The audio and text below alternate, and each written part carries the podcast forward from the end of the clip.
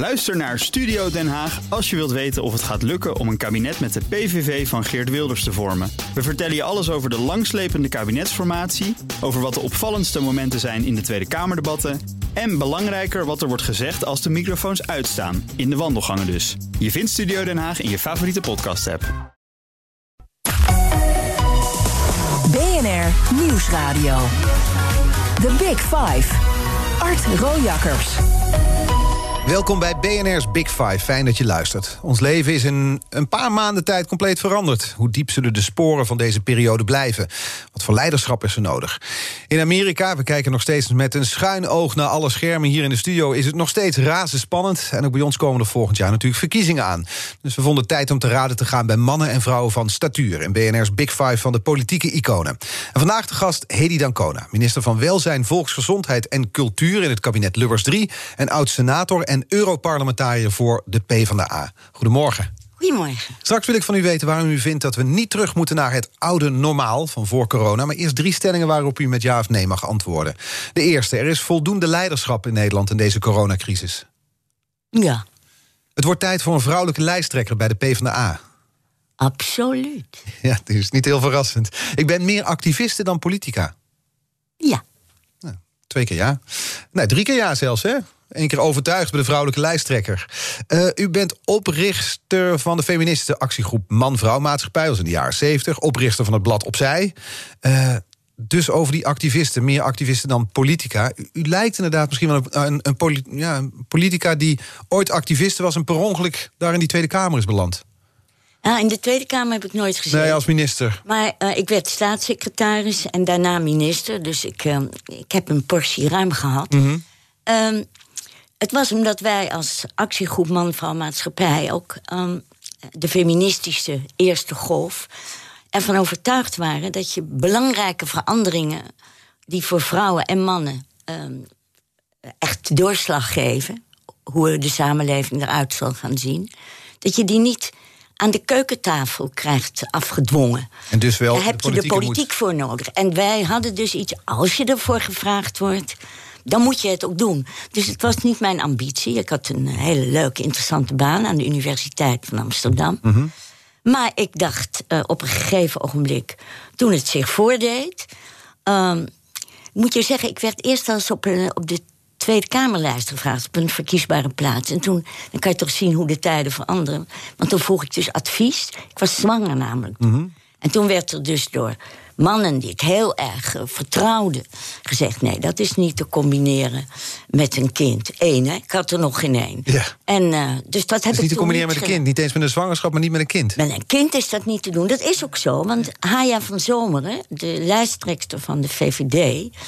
ehm, die ging eruit, uit de Kamer, toen ze haar eerste kind verwachtte. En toen Zo was, werkte dat toen. zo werkte dat toen, dat kon je niet. Ja, behalve als je natuurlijk Den Uyl had, geloof ik, zeven kinderen. Ja. Dat was wel te combineren.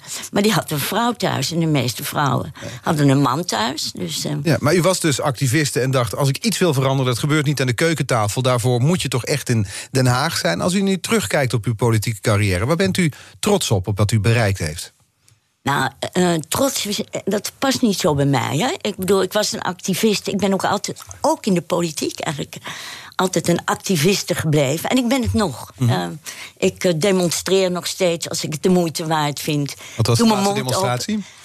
Ik denk eh, dat de laatste eh, demonstratie was op het Binnenhof. Een uur stil, in verband ook met corona en afstand. Was dat de 500 kinderen? Met, eh, voor de 500 kinderen. Ja, de met jonge muzici. Precies, ja, daar stonden Ja. allerlei mensen die stonden zwijgend op het Binnenhof... om zo hun stem te laten horen. En een uur duurt heel lang als je niks mag zeggen en stil moet staan. Zeker voor een oud-politica. Voor een, ja, maar voor een oude vrouw van 83. Toen was ik nog 82. Ah. Maar ik vond het de moeite waard. En ik schaam me nog steeds suf dat ze dat niet hebben opgebracht, weet je wel. Eh, U zegt, ja, trots past niet bij mij, maar toch. Het is een, het is een rijke politieke carrière, eh, als- ook als bestuurder. Wat, wat heeft u bereikt in die carrière?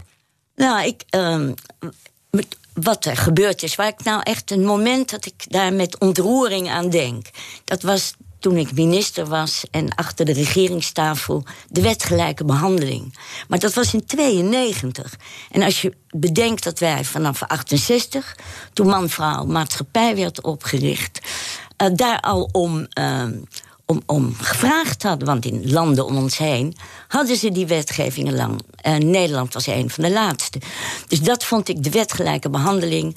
Um, dat vond ik toch eigenlijk wel. Deed ik niet alleen. Dales, misschien weet je nog fantastische vrouw, Indales, een vriendin van mij. En Ernst Siers Mallin, met z'n drieën. En toen dacht ik, dat is toch ongelooflijk dat ik hier nu zit. Maar moet je nagaan, dat is dus in 92, u begon in de jaren 70. Ja, 68 was de oprichting Man van Maatschappij. Dus zeg maar dat het vanaf 70... Precies, maar dat uh, stroperige van de politiek. Ja. Hoe, hoe voelde u zich daarin thuis? Uh, nou ja, vergelijk met actievoer is dat natuurlijk verschil. Maar, Want als een uh, uur stilstaan op het Binnenhof al lang duurt... dan moest u hier ja. wel heel veel geduld voor hebben. Ja, dat, ja dat, maar dan kon ik natuurlijk echt mijn mondje roeren... en heel en weer rennen. Ja. Maar uh, ik, uh, ik vind, het was natuurlijk... Het is ook fantastisch. En vergeet nooit dat je... Uh, je bent als minister natuurlijk een, een schip dat in de nacht voorbij vaart. Maar je wordt omgeven door ambtenaren. Mm-hmm. Die dat al tijden doen. Dus voor cultuur uh, zaten daar mensen die mij ontzettend konden adviseren. Ik ben nog wel eens trots geweest.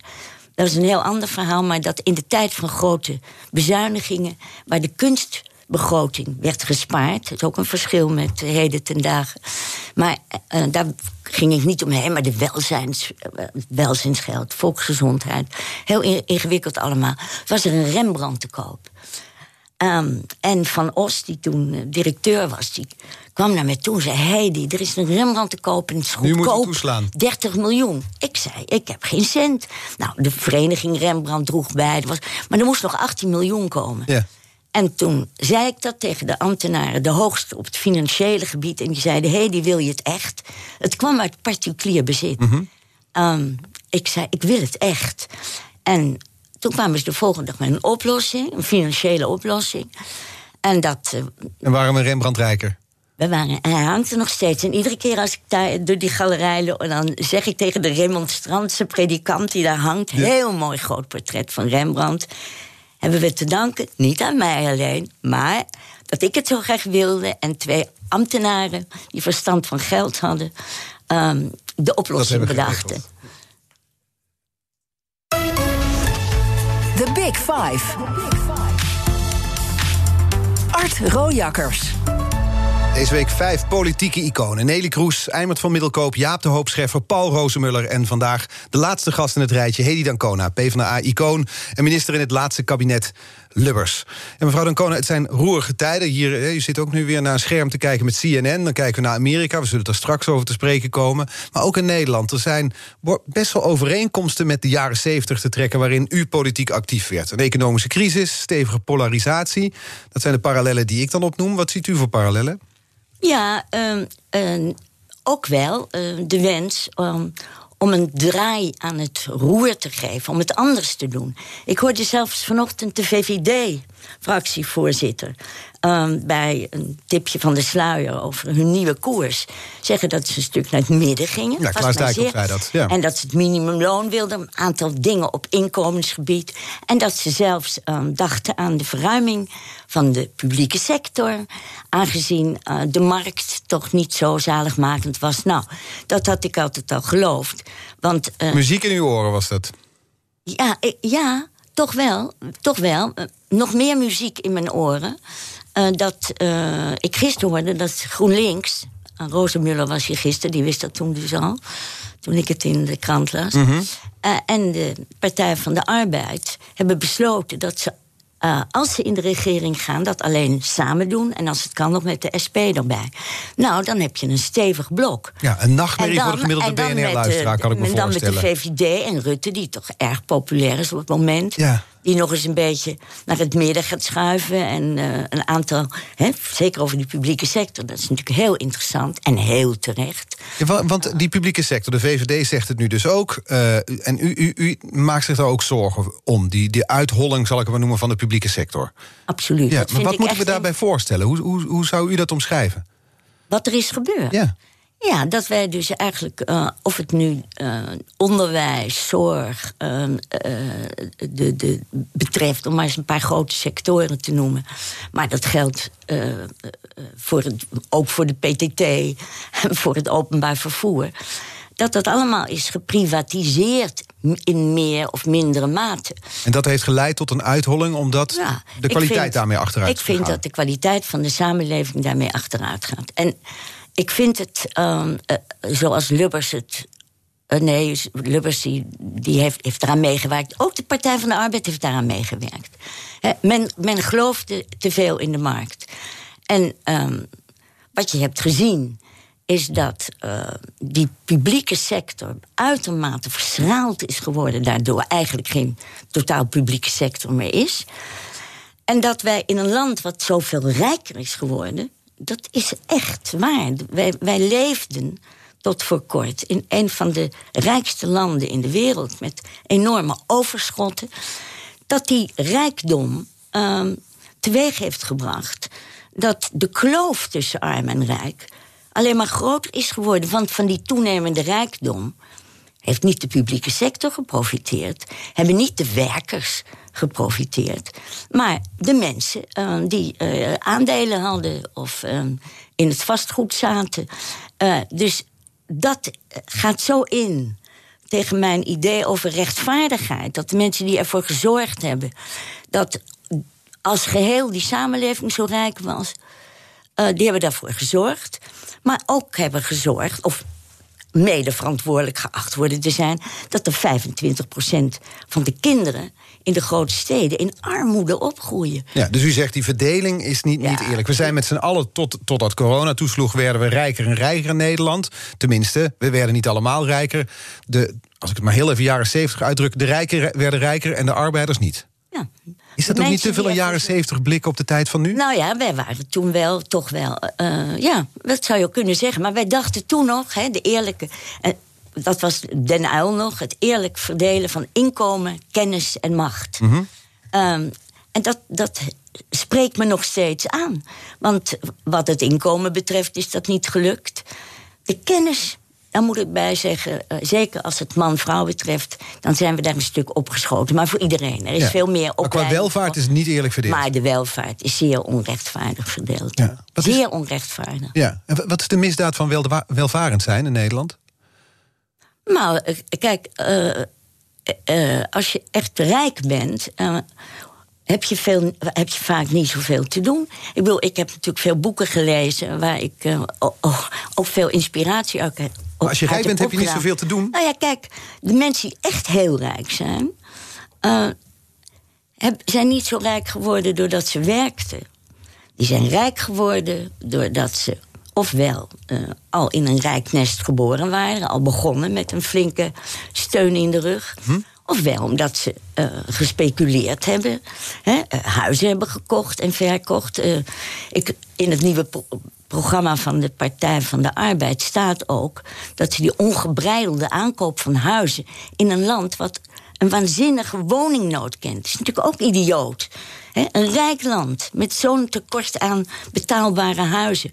Nou, dat ze dat, eh, dat, ze dat de Prins Bernard ehm, belasting noemde of zo. Ja. Dat je niet meer huizen mag kopen dan waar je werkelijk in woont. Misschien nog met één extra.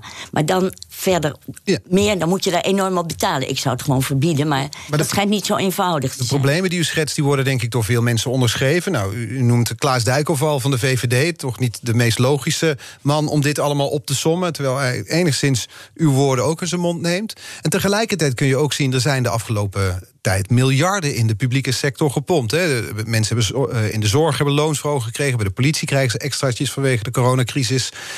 Wat moet er nog meer gebeuren? Ja, het is ook maar de vraag of alles be- uitbetaald moet worden eh, in geld. Ik heb toch eigenlijk eh, het idee, als je inderdaad al die miljarden ziet, maar ook de enorme werkloosheid eh, die ontstaat, zal ontstaan naarmate deze coronacrisis langer duurt. Eh, dan, maar nu al is het natuurlijk bijna onbegrijpelijk dat we hebben zo moeten bezuinigen om te gehoorzamen aan, eh, aan een begrotingsdiscipline.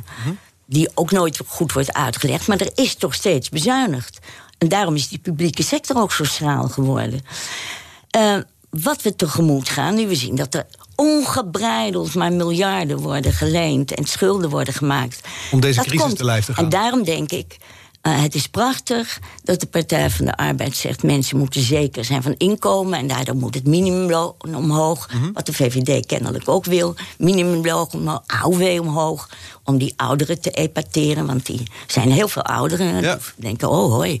Uh, onze Moet het hof gemaakt worden. Ja, en, en, en, en, en uh, daar komen een soort van melkertbanen, 100.000. En, maar alles is gericht op zekerheid, rust. Ik ben meer geïnteresseerd in rechtvaardigheid. En ik denk ook dat uh, niet uh, alleen die nadruk zo moet liggen op dat inkomen. Mm -hmm. Maar dan want, op, op die... uh, want de rijken worden toch steeds rijker. Die worden niet aangetast door echt hele rijke mensen, door, door, door, uh, door crisissen. Dat is ook gebleken ja. bij de financiële maar als je zegt, het moet meer liggen op rechtvaardigheid... Dan moeten we eigenlijk meer... Uh, ik, ik, ik droom dan, en dat mag je ook wel eens doen... Mhm. Mm -hmm. want corona geeft je ook de kans om te zeggen... we moeten weer eens een visie erop nahouden. Dat um, die, die portefeuille, die mensen niet alleen maar welvaart in de vorm van inkomen, maar zekerheid geeft in een veel bredere, uh, uh, een veel breder uh, geheel, waarin niet alleen maar inkomen zit, maar waarin wonen zit, waarin welzijn zit, waarin cultuur zit, waarin zorg zit. Dat zijn allemaal dingen waarvan je zou kunnen een soort van basisrechten. Ja. Daar moeten we op. En dan hoef je ook niet alleen maar te, te, met een vlag te lopen dat het minimuminkomen of het jeugdloon omhoog gaat. Prachtig mooi allemaal. Je kijkt verder maar dan het gaat eigenlijk verder. Ja. Uh, uh, wij, ook arme mensen, hebben recht op cultuur, zou je kunnen zeggen. Ja. Een basisrecht op de schoonheid. Ook mensen die niet uh, zo welvarend zijn, hebben recht op een huis. Wat, de, wat ze kunnen betalen. He, ook uh, mensen die niet zoveel inkomen, hebben natuurlijk recht op alle vormen van onderwijs die je maar kunt bedenken. Kijk verder dan Dus- alleen dat loon, En ik denk dus dat je wat dat betreft uh, zou kunnen zeggen, nou. Uh, in mijn tijd, en ik had het niet bedacht, Marga Klompé Mhm. had welzijn en cultuur bij elkaar gebracht. Vanuit dat idee al. En volksgezondheid. Dat zat dus bij elkaar. Maar goed, nu. Want ik keek erop terug inderdaad en ik dacht, wat een wonderlijke portefeuille was dat eigenlijk. Ja. Welzijn, cultuur en volksgezondheid. Maar eigenlijk zegt u, misschien hebben we dat juist in deze tijd weer nodig. Ja, en, en, Want dat, u was, ja. dat was uw portefeuille destijds Ja. als minister. Ja, maar ik had het niet bedacht. Nee. Eh, Marga Klompé zou dat had nu het weer bedacht. nuttig zijn in deze tijd, zo'n Nou ja, ministerie? ik denk inderdaad, als we denken aan het versterken, het investeren in de publieke sector, wat zelfs economen die daarvoor hebben doorgeleerd, dikke boeken over schrijven en zeggen: daarin moet je na een crisis investeren. In die publieke sector, dan zeg ik: maak daar een geheel van en verleid de mensen. Want politiek bedrijven is toch ook. Hè, als eh, eh, de mensen iets als de rattenvanger van Hamelen zeggen: Ze luister eens, we kunnen ook in een leuker soort van samenleving verkeren met z'n allen. Maar- Als we dit voor ogen hebben. Dat het niet alleen maar zit in de centen, maar ook in de zorg die de overheid in de allerbreedste zin voor jou en iedereen op zijn schouders neemt. Het is, een, het is een duidelijk beeld dat u schetst. En tegelijkertijd toch nog heel even terugkijken, want we blikten nu naar de toekomst. Die eh, bezuinigingen op de publieke sector, die uitholling van de publieke sector, zoals u het noemt, dat gebeurde natuurlijk ook wel in een tijd dat uw partij, de PvdA, in het, in het kabinet zat, waarin er keihard bezuinigd werd. Dus, Voor die tijd ook al. Ik bedoel, dus eh, de toen we is mede, mo- mede mogelijk gemaakt. Tuurlijk, er was een tijd dat men toch het idee had dat, ehm, eh, eh, dat de, de, de samenleving een soort van BV was. Het werd ook wel eens genoemd, ook door partijgenoten BV Nederland. De partij Nou, schudde ideologische veren af. Dat ik erg, en ze schudden hun ideologische sferen af. Er zat in die partij ook een soort geloof En zat u in de zich thuis op te vreten, Ik boos? zat me op te, ik was boos. Ik vond de BV Nederland, ik, nou, ik vond het weerzinwekkend om te horen. Ik zat, ik zat toen in Brussel. Ik was fractieleider van de, geworden van de, eh, van de PvdA-fractie... die toen nog groot was in dat Europese parlement ook. En ik hoorde iemand van mijn partij dat zeggen... wij in de BV Nederland. Dacht, wat krijgen we nou? Dus ik ben niet zo erg veranderd. Maar ik vind De wereld wel... het moet natuurlijk, ja, maar het moet natuurlijk wel op een andere manier. Ik kan niet zeggen, we gaan het nu weer doen zoals toen. Want de wereld is anders. Mhm. Maar ik vind wel dat het is allemaal goed en wel... maar eigenlijk zou iedere politieke partij... toch in de eerste plaats de mensen moeten verleiden met een visie op een soort samenleving. Dat is het land waarin wij willen wonen. Dat is een mooi gedicht uit mijn feministische tijd van Joke Kool-Smit had dat geschreven, dat lied. En beschreef dus daar moesten de seksen gelijk zijn en daar moest oud en jong gelijk zijn. Mhm. Nou ja, ik heb, ik, zoals ik nu ook vind, inderdaad, dat Ja. ouderen zich moeten emanciperen. Eh, dat, is niet, dat is niet uit mij weggegaan. Maar natuurlijk leven we in een andere Dus tijd. zal het op een andere manier aangevlogen moeten worden. Vandaag de gast in BNR's Big Five van de politieke iconen Hedy Dancona. Straks praten we natuurlijk verder ook over die verkiezingen in Amerika. Want niet Trump of Biden, maar iemand anders had volgens Hedy Dancona president van de Verenigde Staten moeten worden. Straks hoor je BNR Nieuwsradio. The Big Five. Art Rojakkers. Welkom bij het tweede halfuur van BNR's Big Five. Deze week spreek ik met vijf politieke iconen. Nelly Kroes, Eimert van Middelkoop, Jaap de Hoop Scheffer, Paul Rozemuller. En we sluiten de week af met Hedy Dancona, oud-senator... en oud-Europarlementariër voor de PvdA... en minister in het laatste kabinet Lubbers. En mevrouw Dancona, het blijft spannend in Amerika. We hebben hier eh, CNN opstaan, die laten nu breaking news zien. Biden takes the lead in Georgia. Hij komt eh, voor Joe Biden. Hij stond het achter daar op Donald Trump. En dat is dan een eh, belangrijke staat natuurlijk... zoals alles belangrijk is in deze verkiezingen, lijkt het wel deze dagen. Hoe volgt u het? Nou, op de voet, ik kan Ja? niet anders zeggen, ja. Tot in de nacht. En ehm, de eerste nacht eh, dat ik dus wel in bed uitgestrekt... maar met de radio bij me... ehm, kon ik het niet loslaten tot ik dacht... eh, wat mij dan betreft, verloren zaak... Trump gaat winnen. En toen ben ik maar met licht zagrijn in slaap gevallen. Maar toen ik opstond, was er ineens weer een spanning en een. En dat werd alleen maar erger. En ik belde met mensen die ik ken in Amerika en die, ehm, de mensen ik ken. Ehm, en dat is helaas niet een representatieve steekproef. Nee. Maar die, eh, die zeiden dan, nou ja, dat ze het ook niet wisten. En dat ze op hun nagels bijtend. Wat, wat waar zitten we naar te kijken dan? Of u te luisteren op de radio? Wat, wat, wat zien we? Is dit nou een feest voor de democratie? Is dit een, juist een afgang? Wat, wat, wat- hoe moeten we dit nou bezien? Nou, nee, ik ben ook wel een optimistische persoon hoor. Kijk, eh, ik hoorde vanochtend dat in Philadelphia mensen, eh, terwijl dat daar nog niet duidelijk was hoe het zou uitpakken, maar eh, een groot straatfeest en dansten op straat om de democratie te vieren. Dat vond ik eigenlijk wel heel erg mooi om dat ook eens te horen. En om plaats, in plaats van te zien hoe mensen tegen elkaar stonden te schreeuwen en te, Dat is wat we vooral zien, ook toch? kinderen. Ja. Ja. maar dit, toen ik dat hoorde, echt een. En, en toen zeiden ze, maar je weet het toch nog niet hoe het afloopt. En toen zeiden ze, er is één ding waarvoor wij hier zijn. En dat is om de democratie te vieren. Ja. En dat is toch ook nog steeds zo. Kijk, dat, eh, daar, daar geloof ik ook in. En ze hebben een eigenaardig kiessysteem. En al die deelstaten hebben weer hun eigen systeem.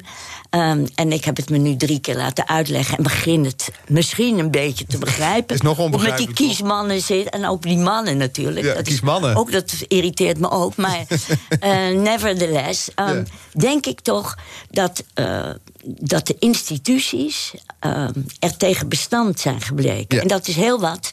Want de verdachtmakingen gingen vanaf het begin uit. eh, zoals bij alle dictators in wording. En al het populisten, alle populistenleiders, de verdachtmakingen, de wetenschappers, journalisten hè, en de media waarvoor ze werken, de kunstenaars. De, nou, eh, het was een vast rijtje. En dat, die zijn overal. De De, rechters natuurlijk, de rechterlijke macht. Ja. En hij heeft ook van alles geprobeerd om dat eh, gezelschap. Dus er is genoeg om zorgelijk naar te kijken vanuit de huizen dan Maar als dus. Als, als dit dus. eh, In, in staat is toch, dat land. eh, om, om, om Trump te overwinnen. Eh, eh, in een zekere zin. Niet omdat Biden daar nou zit. Maar gewoon omdat. eh, de instituties kennelijk sterk genoeg zijn. Hij heeft al een paar keer Precies, om dit dan, om dit ja, presidentschap... dan denk ik toch, come on. Ik heb dat land ook altijd wel bewonderd Ja. en interessant Wie gevonden. was eigenlijk uw, uw droomkandidaat geweest deze keer... voor het Amerikaanse presidentschap? Nou ja, dat begon natuurlijk al met, met wat ze bij de Democraten ehm, hadden kunnen kiezen. En ik was een big fan van ehm, Elizabeth Warren. Ja. Maar ehm, Ja, kijk, dan gaan er natuurlijk strategische um, visies um, nemen de overhand en denken, nou, zij is te links. Als je bedenkt dat Trump echt daar in Florida, dat heb ik ook uit zijn mond horen komen, die Biden al afschildert als een communist. Een Oh, Warren, van de linkerkant. Nou, dan moet je dus echt wel denken dat die Elizabeth Warren een gevaarlijke kandidaat Zou die betitelen eigenlijk, Donald Trump? Hè? Maar ik, ik denk dus, ik vind Biden natuurlijk toch niet iemand die echt tot eh, mijn verbeelding spreekt. Eh, ik heb, ik heb eh, ontzettend veel hoop eh, op de ouderdom en wat er nog in zit en op het talent. En, eh, maar het gaat meer om de manier waarop hij, eh, waarop hij zich manifesteert, is het toch heel erg behoudend. Er zullen ook een heleboel dingen niet zo erg veranderen. Nee, maar, misschien is dat dus- nodig in zo'n ja, zo'n in zo'n- verdeeld land. Dat is waar. Misschien Waar ik wel benieuwd naar ben, is... want volgens mij de laatste tellingen is nu dat eh, eh, Donald Trump... zo'n 5,5 miljoen meer stemmen heeft gekregen... dan bij de vorige verkiezingen, vier jaar geleden. Dus er, er, er is een, een grote groep mensen... die zich de afgelopen vier jaar hebben laten overtuigen... dat hij een tweede termijn verdient. Ja. Ja. De, de winst van Biden is ook niet zo groot als in de polls werd Ja. verwacht. Nee, dat viel mij ook tegen. En je eindigt dus, eh, jij zegt het al, met een land wat sterk verdeeld is in twee groepen. Wij mogen toch wel een beetje blij zijn. Soms zeggen wij, oh, wat zijn we toch, eh, eh, wat zijn we toch vreemd met al die politieke partijtjes langzamerhand in zo'n klein land. Mhm.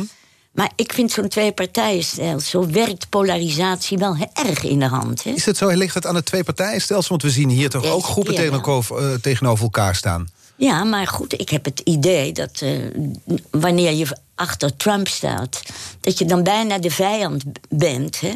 Het, het zijn voor Trump, Trump betekent dat je van de Democraten niks moet hebben, dat het je vijanden bijna zijn. En omgekeerd is dat ook zo.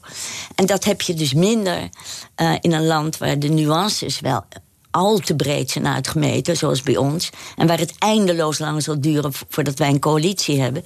Maar toch, hè? eh, het die- heeft ook zijn voordelen. Ja, maar er wordt dan gezegd... Amerika is ons voorland in sommige opzichten. Dus eh, een heleboel bewegingen die je daar ziet... komen ook onze kant op. De, de Black Lives Matter-beweging, de, de cancel-cultuur... Cultuur, Ehm, dat roept dan ook weer een tegenreactie op. Eh, dus je ziet hier toch ook dat de tegenstellingen tussen links en rechts... volgens mij staan Wilders en Baudet hè, zijn, zijn, zijn groter dan links... nu zijn samen bijna goed voor 30 zetels. Je ziet dus die verdeling hier toch ook ontstaan? Ja, aan de, aan de flanken zal het bij ons eh, eh, die kant op gaan. Hè?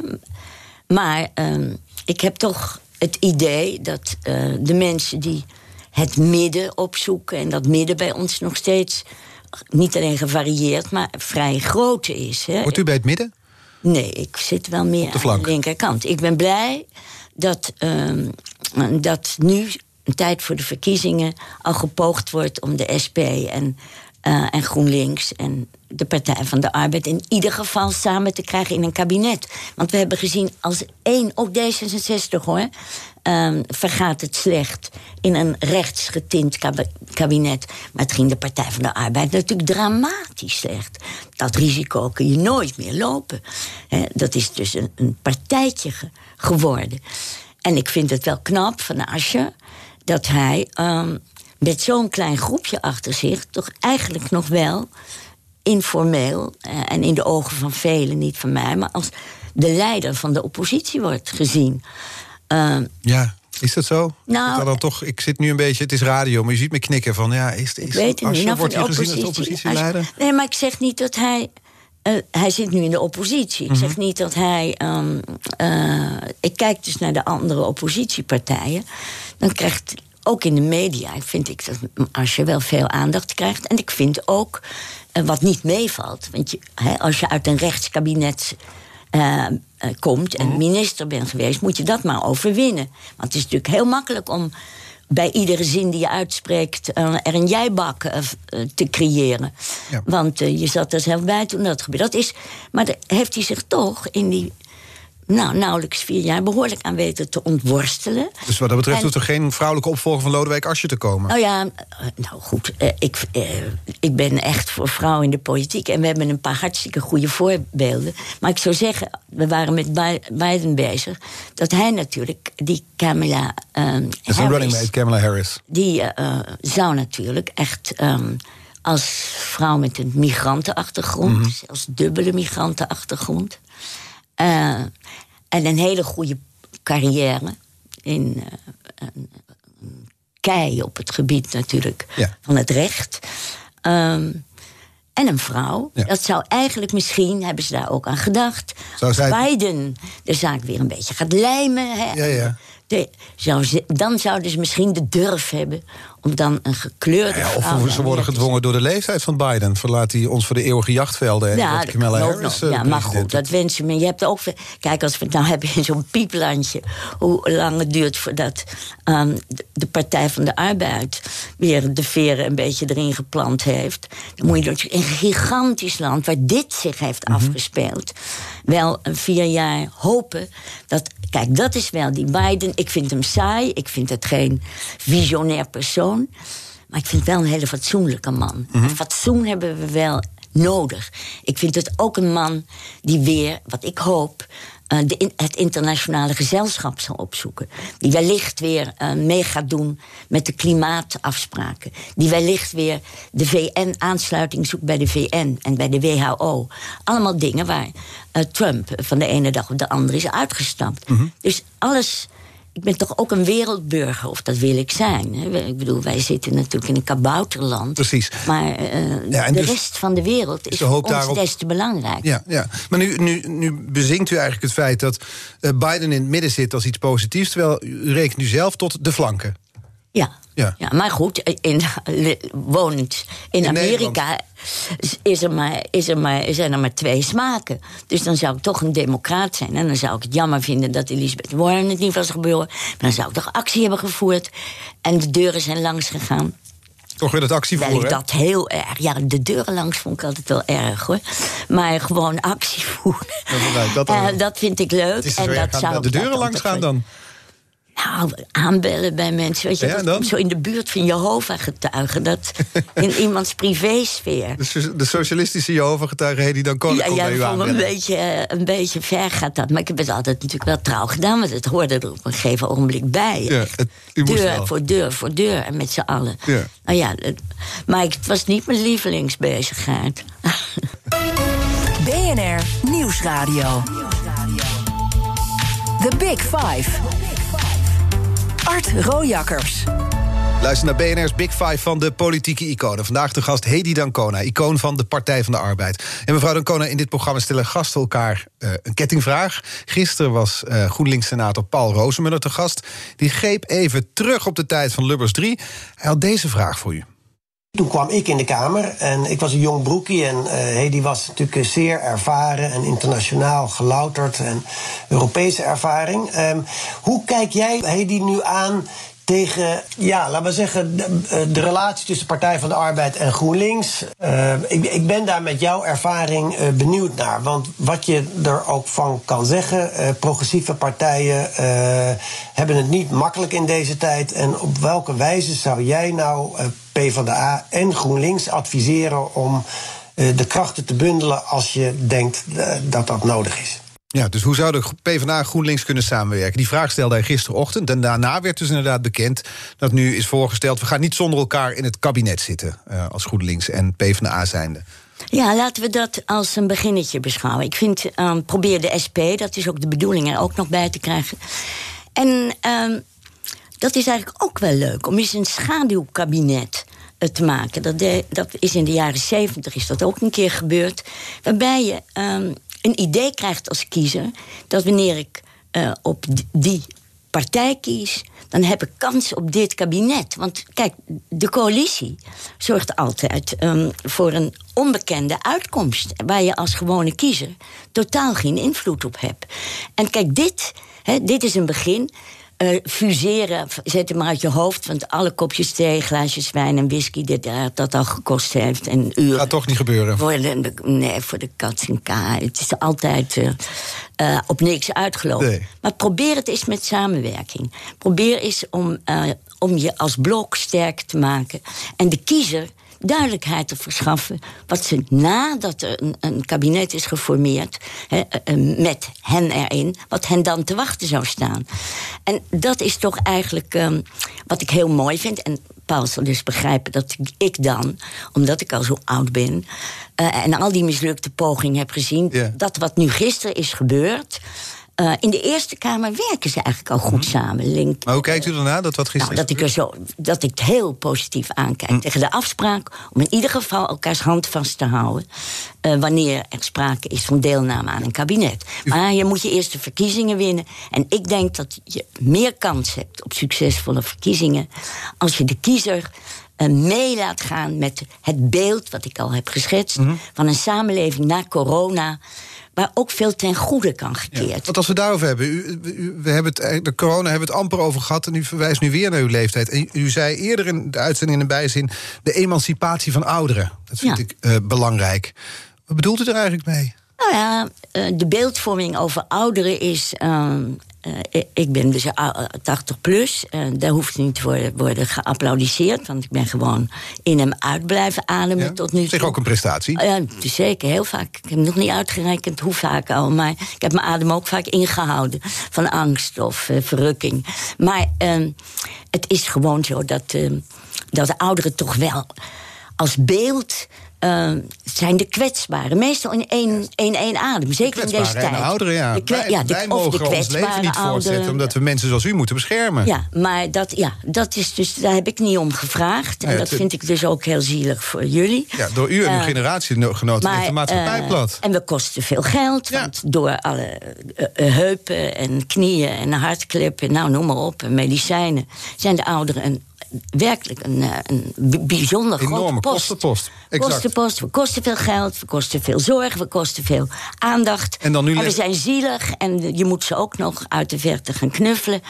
Daar wil ik dus eh, vanaf. Want een groot deel, het grootste deel van de ouderen, zijn mensen zoals ik, die eh, actief zijn en die ehm, bezigheden hebben en wiens hersens nog meedoen. En, eh, en daar wordt, dat is een groep die ook opvattingen heeft. Er is een, ik heb jarenlang, en nog steeds ben ik eh, ambassadeur van een programma wat heet. ehm, Ouderen en cultuur. Lang leven kunst. Daar hebben 500.000 mensen, ouderen, aan meegedaan. Eh, ik bedoel, er is ontzettend veel ambitie aanwezig en passie. Dat gaat niet met pensioen. Niet bij iedereen, maar met een beetje eh, enthousiasme is het heel goed mogelijk om niet alleen maar Henk Krol, nou hij is gelukkig alweer weg, erachter te, eh, te, of ervoor te zetten en tegen ouderen te zeggen dat wij allemaal de klos zijn. Van alles zijn we de klos. Overal worden ouderen genaaid. Precies. Maar om eens mensen te hebben, ouderen zoals ik, die gewoon door de ogen van een ander kunnen kijken als het gaat om de verdeling en om het verdelingsvraagstuk. En dat is zijn- democratie. Ik snap uw punt, maar het feit is nu, bijvoorbeeld in eh, eh, de hele corona-kwestie, dat vanwege het feit dat die ziekte nou eenmaal toeslaat bij, vooral ernstig toeslaat bij ouderen, ehm, de rest van de maatschappij daar rekening mee hoeft te houden. Dat, dat is toch, ja, dan kun je, kun je wel zeggen, we moeten emanciperen. Maar het is ook een feit dat we dus rekening hebben te houden met het feit dat u en uw generatiegenoten nou eenmaal meer risico lopen. Ja, maar zouden, wij zijn er nooit bij betrokken om eens te zeggen op welke manier. Ik heb wel eens een keer gezegd. Met mij hoef je geen rekening te houden. Eh, er mag best. eh, ik geef mijn IC-bed als dat nodig is. Natuurlijk aan iemand van 40. Maar dan zouden wij ouderen ook het recht mogen hebben. om de regie over ons eigen levenseinde eh, te hebben. En dat is net zoals de vrouwen waarvoor we vochten om abortus. ehm, eh, eh, te, te legaliseren, is er nu weer dat een grote groep van ouderen zegt: wij willen iets te zeggen hebben over ons eigen levenseinde. En dat zou ik eerlijk delen vinden. Dat is Maar eigenlijk te makkelijk. We denken te makkelijk te zijn ouderen, dus kwetsbaar, dus gaan wij ze beschermen. ja, dat is nergens voor nodig. Praat maar eens met ze. En, en kijk maar eens hoe groot eh, de groep is. En eh, de categorie ouderen is sowieso. Want ouderen vermenigvuldigen zich in een ongekend tempo. net konijnen. Ja, precies. is Ja. nog erger. Maar ehm, er is een groot deel van die ouderen waarmee ik in aanraking kom. die echt eh, even strijdlustig zijn. En eh, progressief eh, op een bepaalde manier. Dat betekent echt niet van mijn partij. Maar je kunt natuurlijk op een hele, in een heleboel politieke partijen toch progressief zijn. En dat zou ik, zou ik erg belangrijk vinden. De emancipatie van de ouderen en de verandering van de beeldvorming over oude mensen. Want die vind ik soms ook heel shameful. Dus, nou ja. Die beeldvorming is, ze zijn kwetsbaar, ze zijn oud, we moeten ze beschermen. Ja, ja, laten we daar eens mee ophouden. Je moet geknuffeld ook worden. Ik ben net blij dat ik van al het gezoen af ben. hoeft voor mij niet terug te komen. Dus het is heerlijk, die pandemie, op dat, op dat vlak dan. Op dat vlak. En de pandemie is een ramp en rampzalig. Eh, maar het geeft ook de mogelijkheid om het anders te doen. Precies. En als ik zeg, ehm, als we nou eens kunnen verbinden waar we. Kijk, die emancipatie en de, het feminisme hebben echt veel verandering teweeggebracht. Maar de belangrijkste verandering voor ons was de eerlijke verdeling van het werk binnen en buitenshuis. Mhm. Het onbetaalde en het betaalde werk. Nu zitten we allemaal binnen. En eh, ja, nu zitten we allemaal binnen. Dat brengt ook voor mannen een hele andere kijk teweeg op het leven binnenshuis. Maar dat was eigenlijk ons belangrijkste streven. Dat is niet gelukt. En we zouden dus eigenlijk is.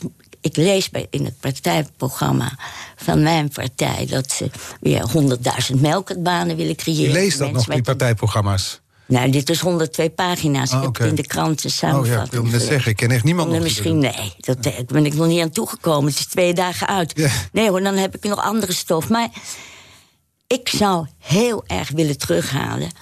de herverdeling van het betaalde werk. Over mannen en vrouwen. Ja. Eh, dat zou een prachtige kans zijn...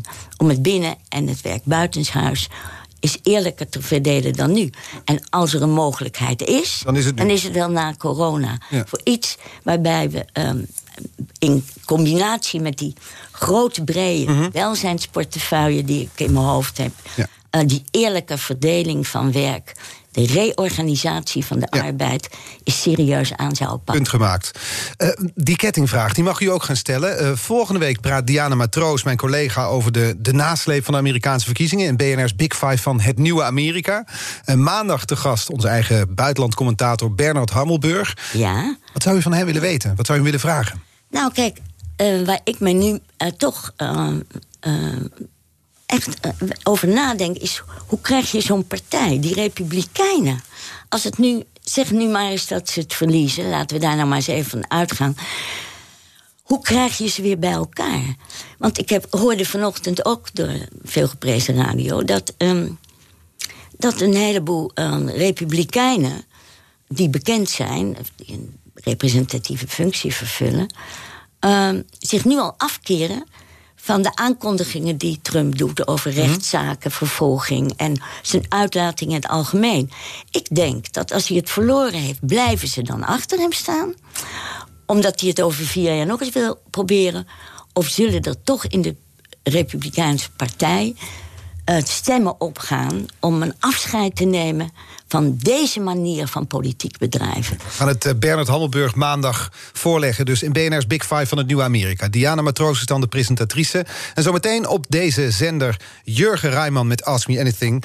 Eh, dank mevrouw Dancona voor uw komst. Deze aflevering is te terug te luisteren zometeen in de BNR-app als podcast... en ook op bnr.nl. Fijn weekend. Ook Hugo Reitsma vind je in de BNR-app. Superhandig die BNR-app. Je kunt alle programma's live luisteren, breaking nieuwsmeldingen. Je blijft op de hoogte van het laatste zakelijke nieuws. En je vindt er alle BNR-podcasts, waaronder natuurlijk de belangrijkste, Boeken zijn in de wijk. Download nu de gratis BNR-app en blijf scherp.